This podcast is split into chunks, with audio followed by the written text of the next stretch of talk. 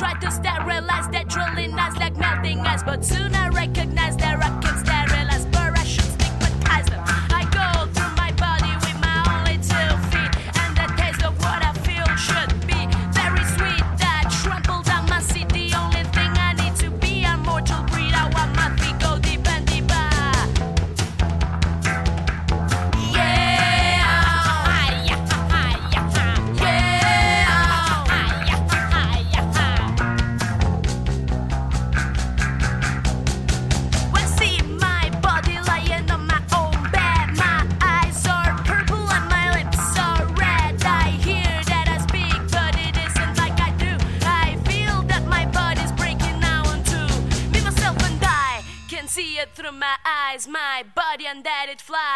can see it through my eyes.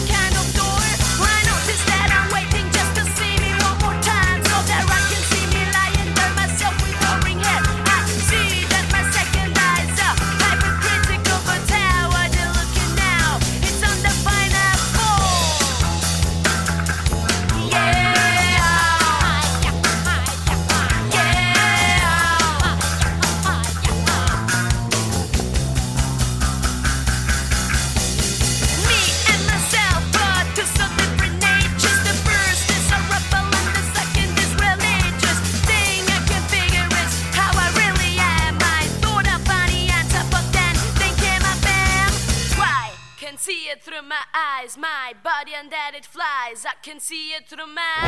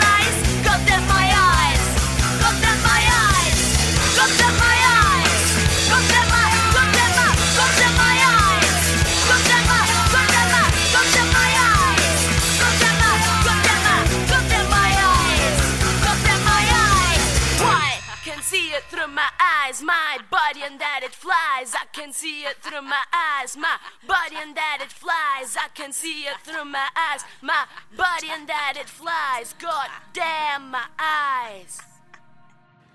Gabon, ongi etorri hemengonak ama laugarren saiora.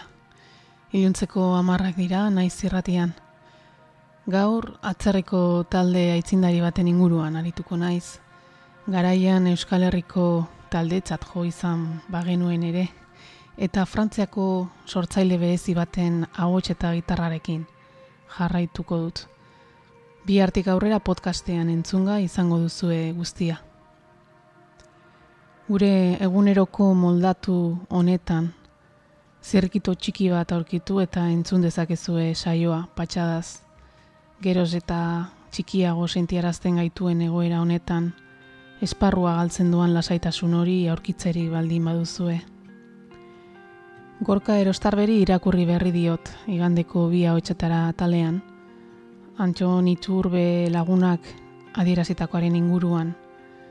Zea, Iturbek ez e, esan, etzan omen du musika ez dela soilik gau girokoa edo parrandakoa, musika kultura ere badela. Eta erostarbek berriz, behin baino gehiagotan pentsatu duen kontzeptua bada ere, dio, akaso kentzen diogula potentzialitatea ondo pasatzeari, elkarrekin dantza egiteari, gorputzen gertutasun kolektiboari, trascendentzia zahaztuta gertatzen ari denaz, ezurrara gizgozatzeak zerbaiti, norbaiti konektatuta sentitzeari, heldua sentiarazteko. Hori guztia kultura ezoten ere, dio, gorka erostarbek. Eta uimin taldea gogoratzen aizen aste honetan, ezin aproposagoa iruditu zaizkit bere hitzak. Uimin gogoratzeak hori guztia falta motatzen dudala mugitu egin didalako barruan. Orain hogei urte izan bazen ere. Kaleak gureak zireneko egunak, musika batzen gintuenean, uda jendetsuak, txosnak eta kontzertu libreak, zutik, edaten, dantzatzen, besarkatzen edo musukatzen, kultura askatasunez entzuten genueneko garai ezain urruna burura to- datorkidan bezala. God damn my eyes kantuarekin hasi gara eta stop al panikorekin jarraituko dugu. Ondoren gogoratuko dugun taldean taldearen disko bakar homonimotik hartuak. Egun hauetarako esaldi eta mezu aproposa iruditu zait stop al paniko izenburua.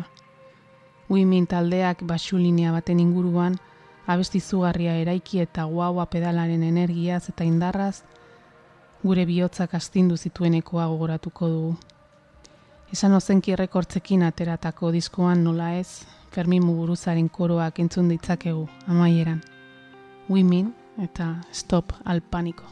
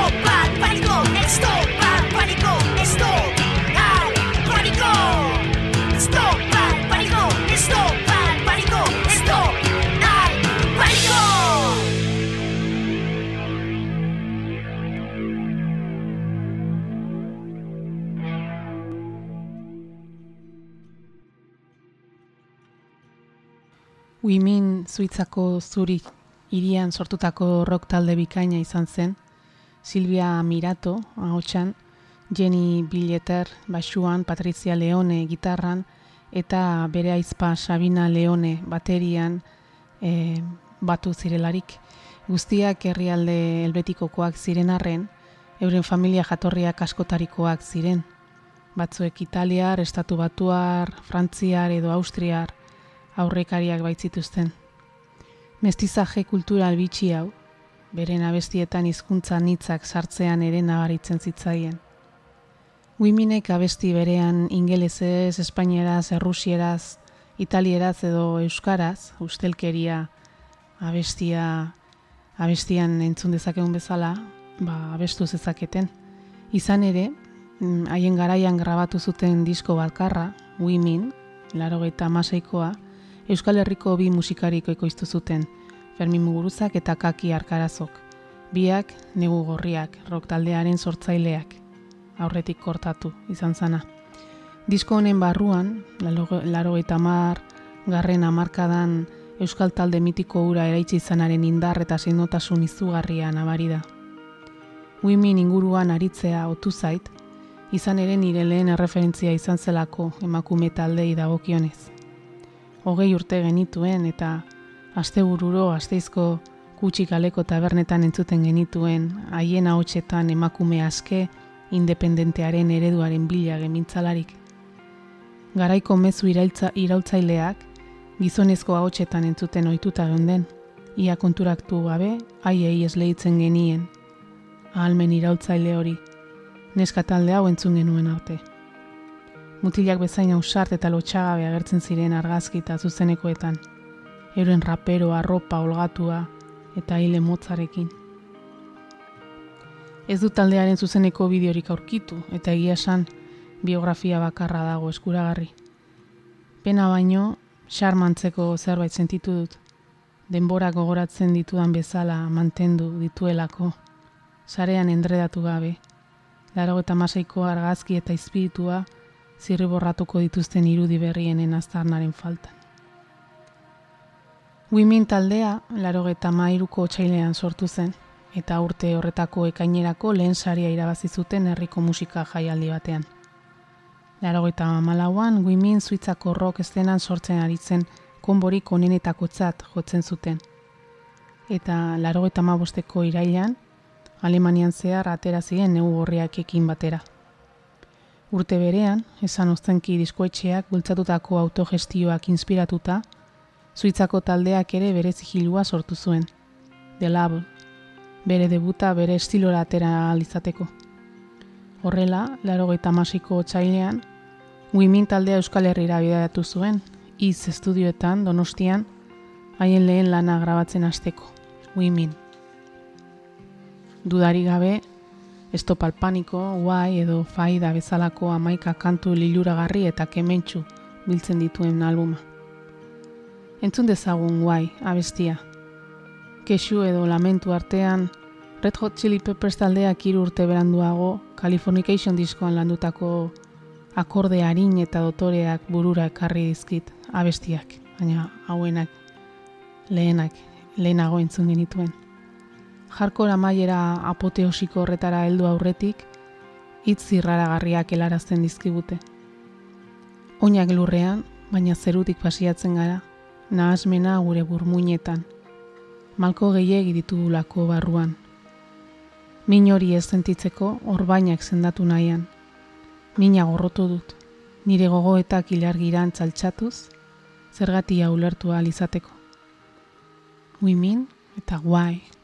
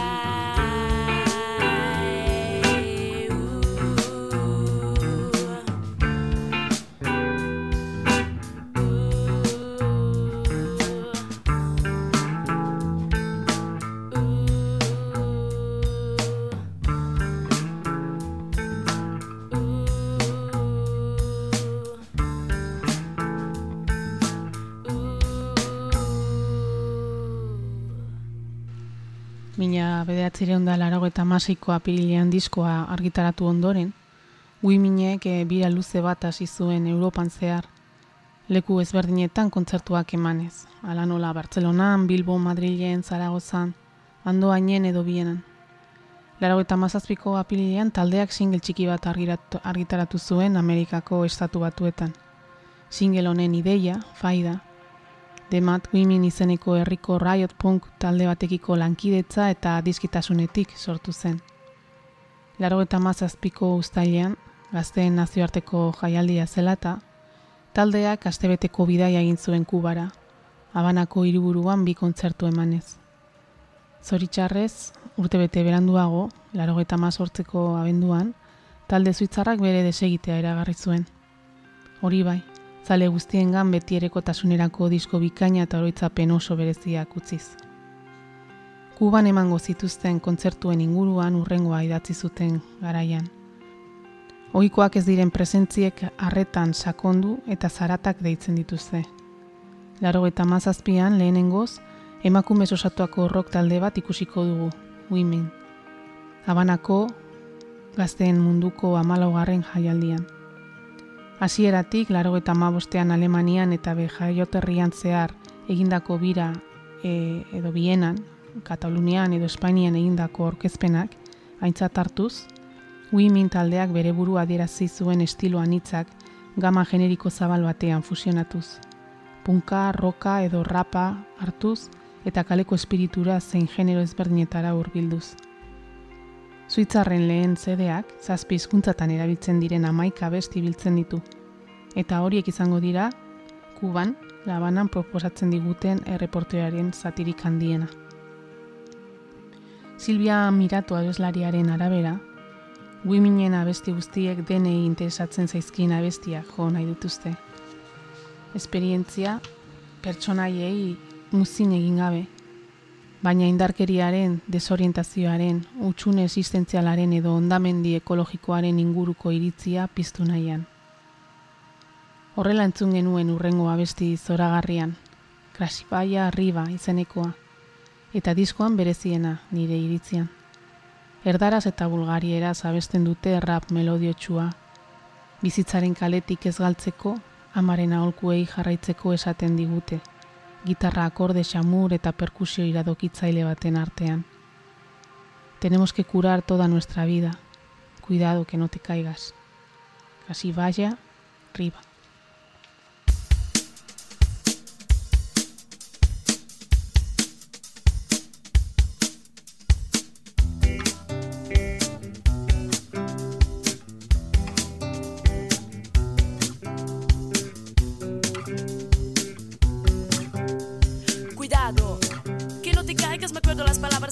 De cuando yo era pequeña. Yo no escuchaba, preguntaba otras cosas de poca importancia. Ahora, ahora me acuerdo otra vez. Mi madre con sus ojos grandes que me miraban con amor y con afecto. Madres hacen siempre cosas buenas ellas quieren que los hijos y las hijas y las hijas de los hijos no se pierdan en las calles. Que no se pierdan, que no se pierdan.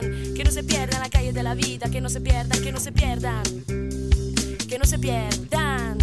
Que no se pierdan, que no se pierdan, que no se pierdan en la calle de la vida, que no se pierdan, que no se pierdan, que no se pierdan. Un poquito de agua para que yo pueda vivir y pensar que los hombres no son tan locos por no ver lo que pasa en el mundo. En este mundo no somos tan tontos, ¿sabes? Tenemos ojos para mirar, orejas para escuchar y la boca para hablar, hablar, hablar. Es eso lo que yo hago. Y todos los pendejos tendrían que hablar para no dejarse comer de los grandes y hambrientes que comen a todos que no se defienden. Tenemos que tener el pico abierto, igual que el pajarito que espera a su madre y a la comida querida, querido. Tú hablas yo grito, porque hablar es todo. Es nuestra vida, ¿por qué hablar? ¿Por qué hablar? ¿Por qué hablar es todo? Es nuestra vida, ¿por qué hablar? ¿Por qué hablar?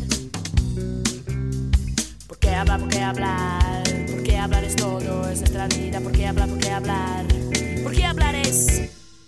Вот, красивая рыба, буду без рафука, где от России слушай Потому что я пою эту песню, которую я думаю ты знаешь. Которую я думаю ты знаешь, ты знаешь, ты знаешь. Которую я думаю, я думаю ты знаешь.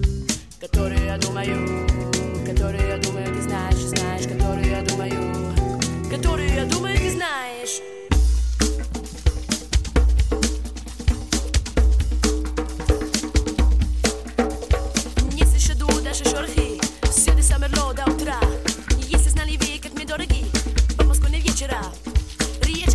состояние движется Вся с одного серебра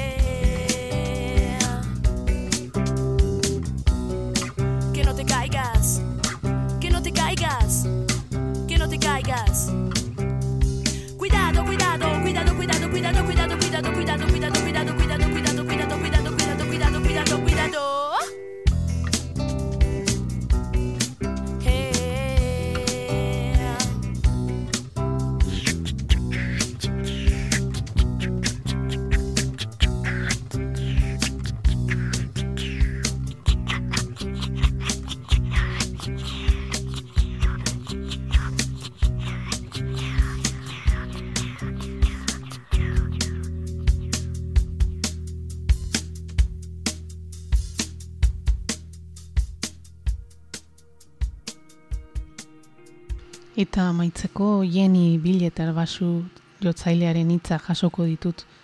Guiminek eh, Kuban eman zuen larogeita mazazpiko lehen kontzertu hura gogoratuz. Arratzaldeko lauretan izan zen, dio, baina publikoak ia eraso egin zuen agertokian. Gaueko amabietako kontzertua balitz bezala. Orain dela gutxi arte, rock musika infiltraziotzat hartzen zuen Kubak aitz, a, estatu batuetatik e, heldutako guztia, baina gaur egun kubatarrek erakutsi dezakete zein interesatuta dauden kanpotik datorren guztian. Munduko gazteen jaialdiaren desfilean, Suitzarrek ez genuen kartelik erakutsi eta Austriarrek bandera etxean ahaztu zuten. Oso talde heterogeneoa ginen eta entzeatutako programari gabe geunden. Apal samarra ginen, ia arrotasunik gabeak, kubatar gazte hain disiplinatu haien aldean. Arro daude beren lorpenekin, hezkuntza eta medikuntza denontzat bezala. Haien borroka estatu txiki batena da, bizi- bizilagun boteretsu baten aurka, eta horrek duintasun handia ematen die. Baina bestalde, produktu estatu batu ugarien mende daude, erabat. Kuba hain herrialde ederra dela diote, emigrazioak ez duela merezi, baina aldi berean kanpoko informazio guztia izateko irrikaz daude. Kubatarrak bizitzako benetako artistak dira. Eta unaino women, women taldeari buruzko guztia, bueno, ez guztia, trasteatzen ibili naiz, eta 2012ko grabaketa batekin topo egin dut. Taldea desegin eta amala urte beranduago aurrentzako kanta bilduma batean parte hartu zuten, Suitzako beste amasei talderekin batera. Drage Kralespitz edo Kralespitz Dragoia izeneko abestiarekin. Honek aditzera eman ohi duen bezala da taldekiren batek eh, amatasunaren bidezidor argilunari ekingo otezionaren susmoarekin geldituko gara. Musikan eta jarreran gure eredu izan ziren launeska ausartaiek, bizitzaren kaletik ez galtzeko aholkatu ziguten moduan, Suitzako aur zurbilin irribarretxuen aurrean irudikatzen ditut, abesti honetan antzeko zerbait abesten. traje, Kralespit, muy min. Schäfeldank vom von Höhlengestank vom Drachenlachen.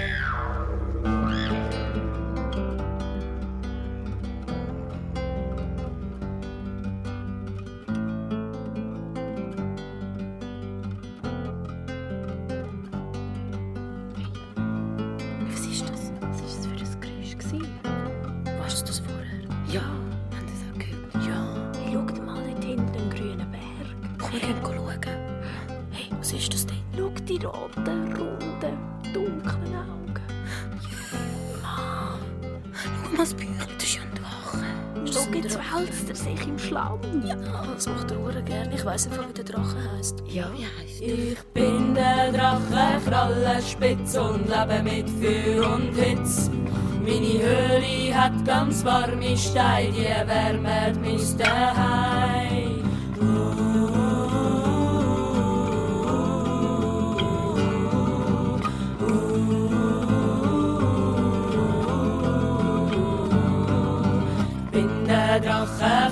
Krallenspitz und spitze gelbe Blitz, Blitz, Blitz. Mit meiner langen roten Zunge ist mir auch schon vieles gelungen. Wissen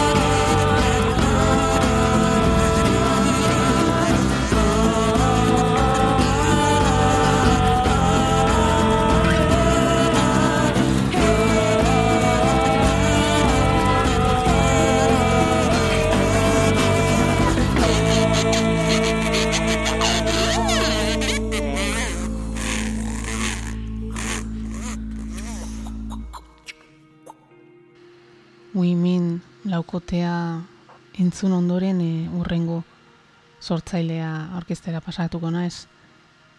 Pauline Croce, frantziar, frantziar sortzailearen ahotsak eta gitarrak harrapatuta nauka udatik ona. Ez ohi dut frantsesez abestu edo sortutako musikarik entzuten, baina bueno, uztailan oporrak lapurdin pasan ituen eta betor, bertokoekin euskara hitz egiterik izan manuen ere, frantsesa nagusitzen zen, ondartzan edo bizikleta erreietan, edo herriko terrazetan, entzuten nituen turisten artean. Pandemiaren eraginez, norbere herriko barneturismoa bultzatzen ari zelakoan, edo ginelakoan geunden denok. Egun zoragarri eta patxadatxu haiek gogoratu nahian iparraldeko baretasun magiko hori bihotzean pausatu eta zalarazteko asmoz hasi nintzen kuskuseatzen eta Polin Krozeren lehen diskoarekin egin nuen topo. Disko borobila iruditu zitzaidan. Sortzaile ugariren lehen lanak adierazi ohi duen pasioa eta berritasuna iradokitzen duena. Urrango, urrengoak ere gustatu zaizkit, baino honekin geratuko naiz bere aurkezpenarekin hasteko. Jarraian entzungo duzuen kantua, Quand je suis nire frantsesa unibertsitateko hirugarren hizkuntza gisa ikasi nuen, ezagutza eskasa eskasera mugatzen da. Eta mozkortuta nagoenean, e, bezala itzuli dut. Olerki osoa irakurriko dizuet, kantuarekin bat egin dezazuen. Mozkortuta nagoenean, tristuraz mozkortuta. Larritasunez mozkortuta. Nola gustatuko litzaidake egoteari utzi eta koloreak aurkitu. Desagertu direnak itzalak besterik ez dira.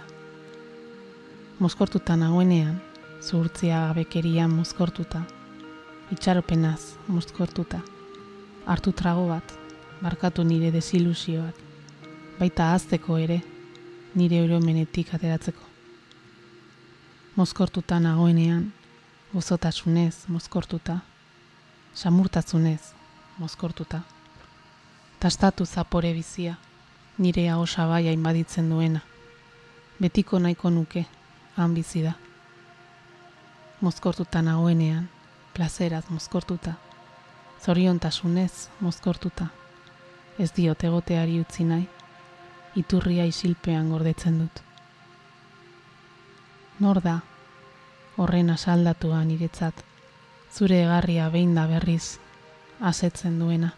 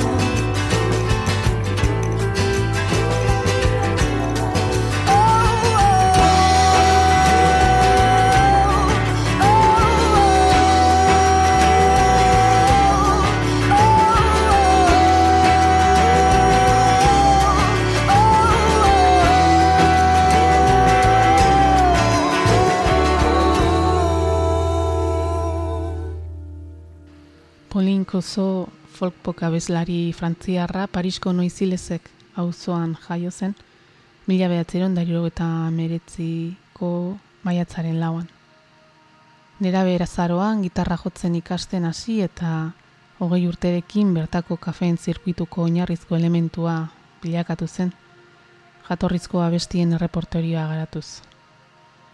2003 garren urtearen hasieran, Krozek Edith Van Buena eta Anne Claverielekin idazketa elkarte bat sortu zuen, aurretik Les Valentins taldean aritutako lagunak, etzien da joren laguntzarekin.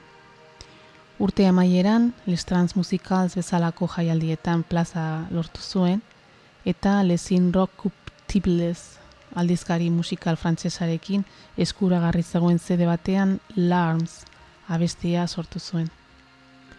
2004ko lehen bira, Musek eta Laza bezalako artisten alde egin ondoren, Krozek Waham zigiluarekin sinatu zuen bere eta garren urte betetzean. Frambuenak e, 2005 garren urtearen hasieran ekoitzitako izen bereko bere LPA ateratzuelarik.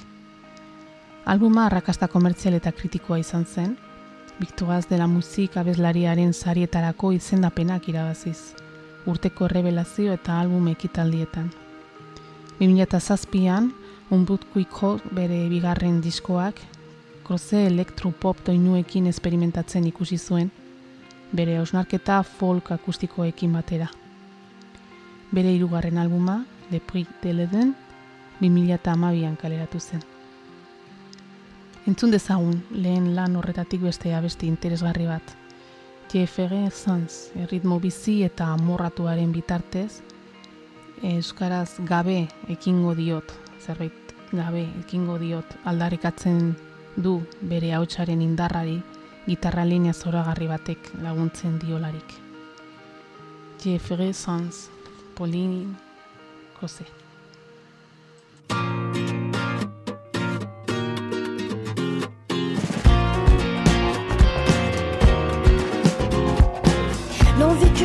Si forte de te serrer dans mes bras, je ferai sans. L'espoir de sentir près de moi ta présence et ta chaleur, je ferai sans. Je fais taire au fond de moi les mots d'amour comme on étouffe une rumeur. J'oublie l'avenir à contre-cœur, le présent, je ne fais que l'effleurer. Je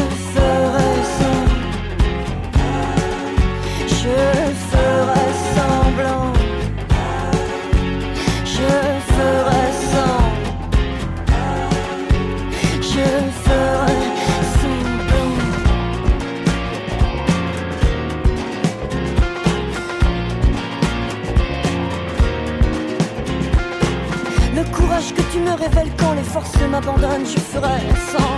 Tes appels et ta voix que j'entends, que j'attends constamment, je ferai sans. Même si je m'implique à ne pas ignorer tes raisons, tes arguments. Ton souvenir à la force d'un coup de poing que je prends en plein dedans.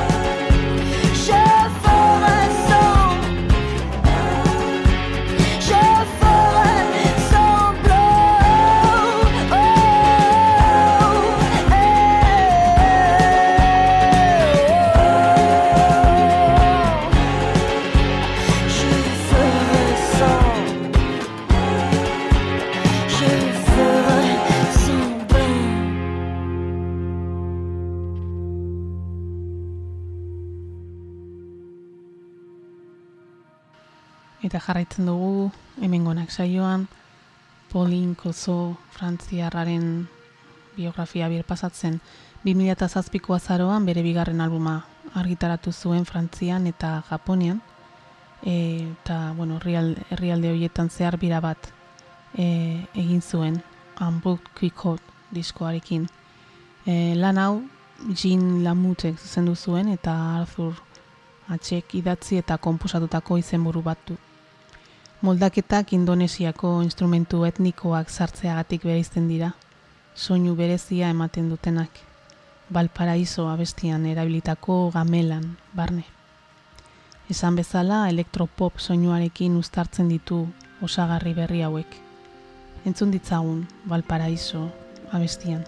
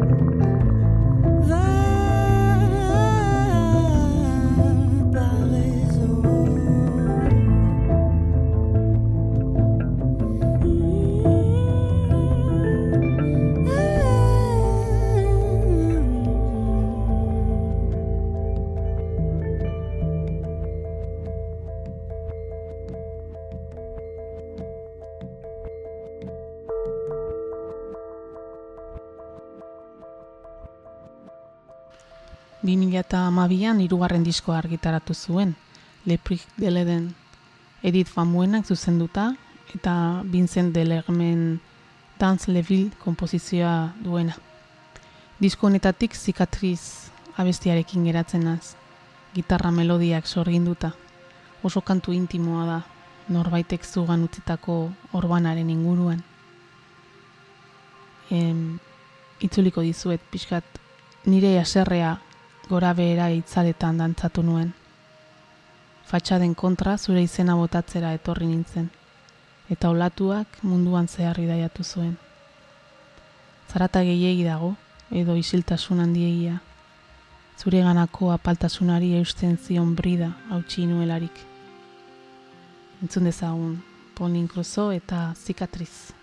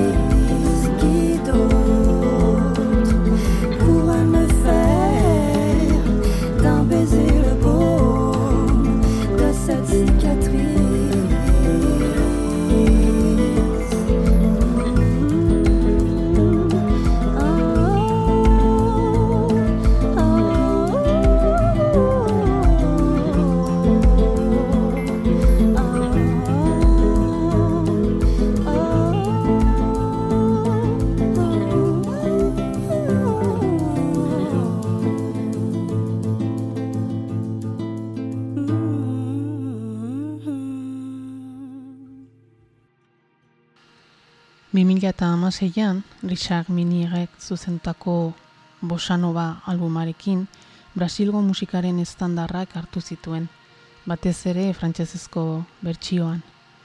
Honek Rio de Janeirora eramango du, non Vinicius kantuaria gitarra gotzailea eta Marcos Ariel piano gotzailea ezagutuko dituen.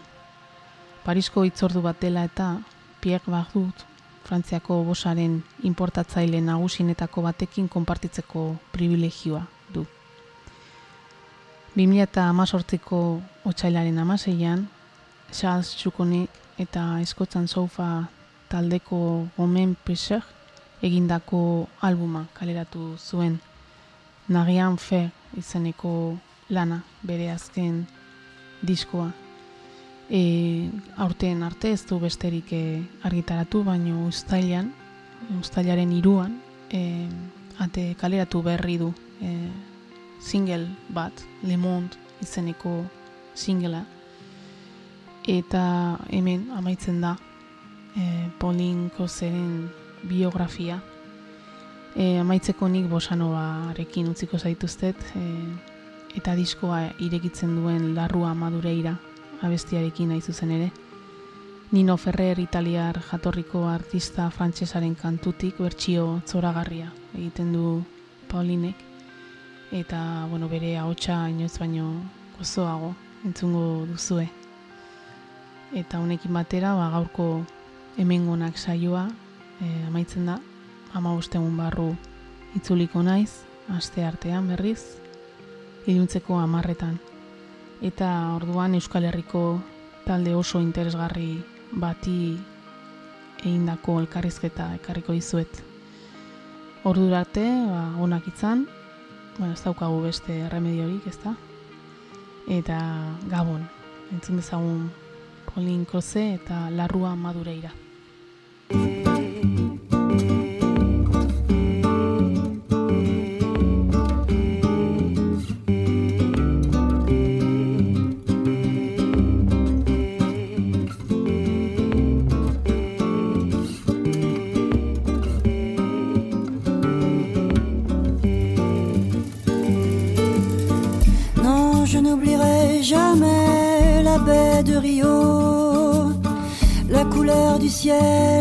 Le long du Corcovado, La Rua Madureira, la rue que tu habitais. Je n'oublierai pas pourtant, je n'y suis jamais allé. Non, je n'oublierai jamais ce jour de juillet où je t'ai connu, où nous avons dû nous séparer. Pour si peu de temps et nous avons sous la pluie. Je parlais d'amour et toi tu parlais de ton pays. Non, je n'oublierai pas la douceur de ton corps dans le taxi qui nous conduisait à l'aéroport. Tu t'es retourné pour me sourire avant de monter dans une caravelle qui n'est jamais arrivée.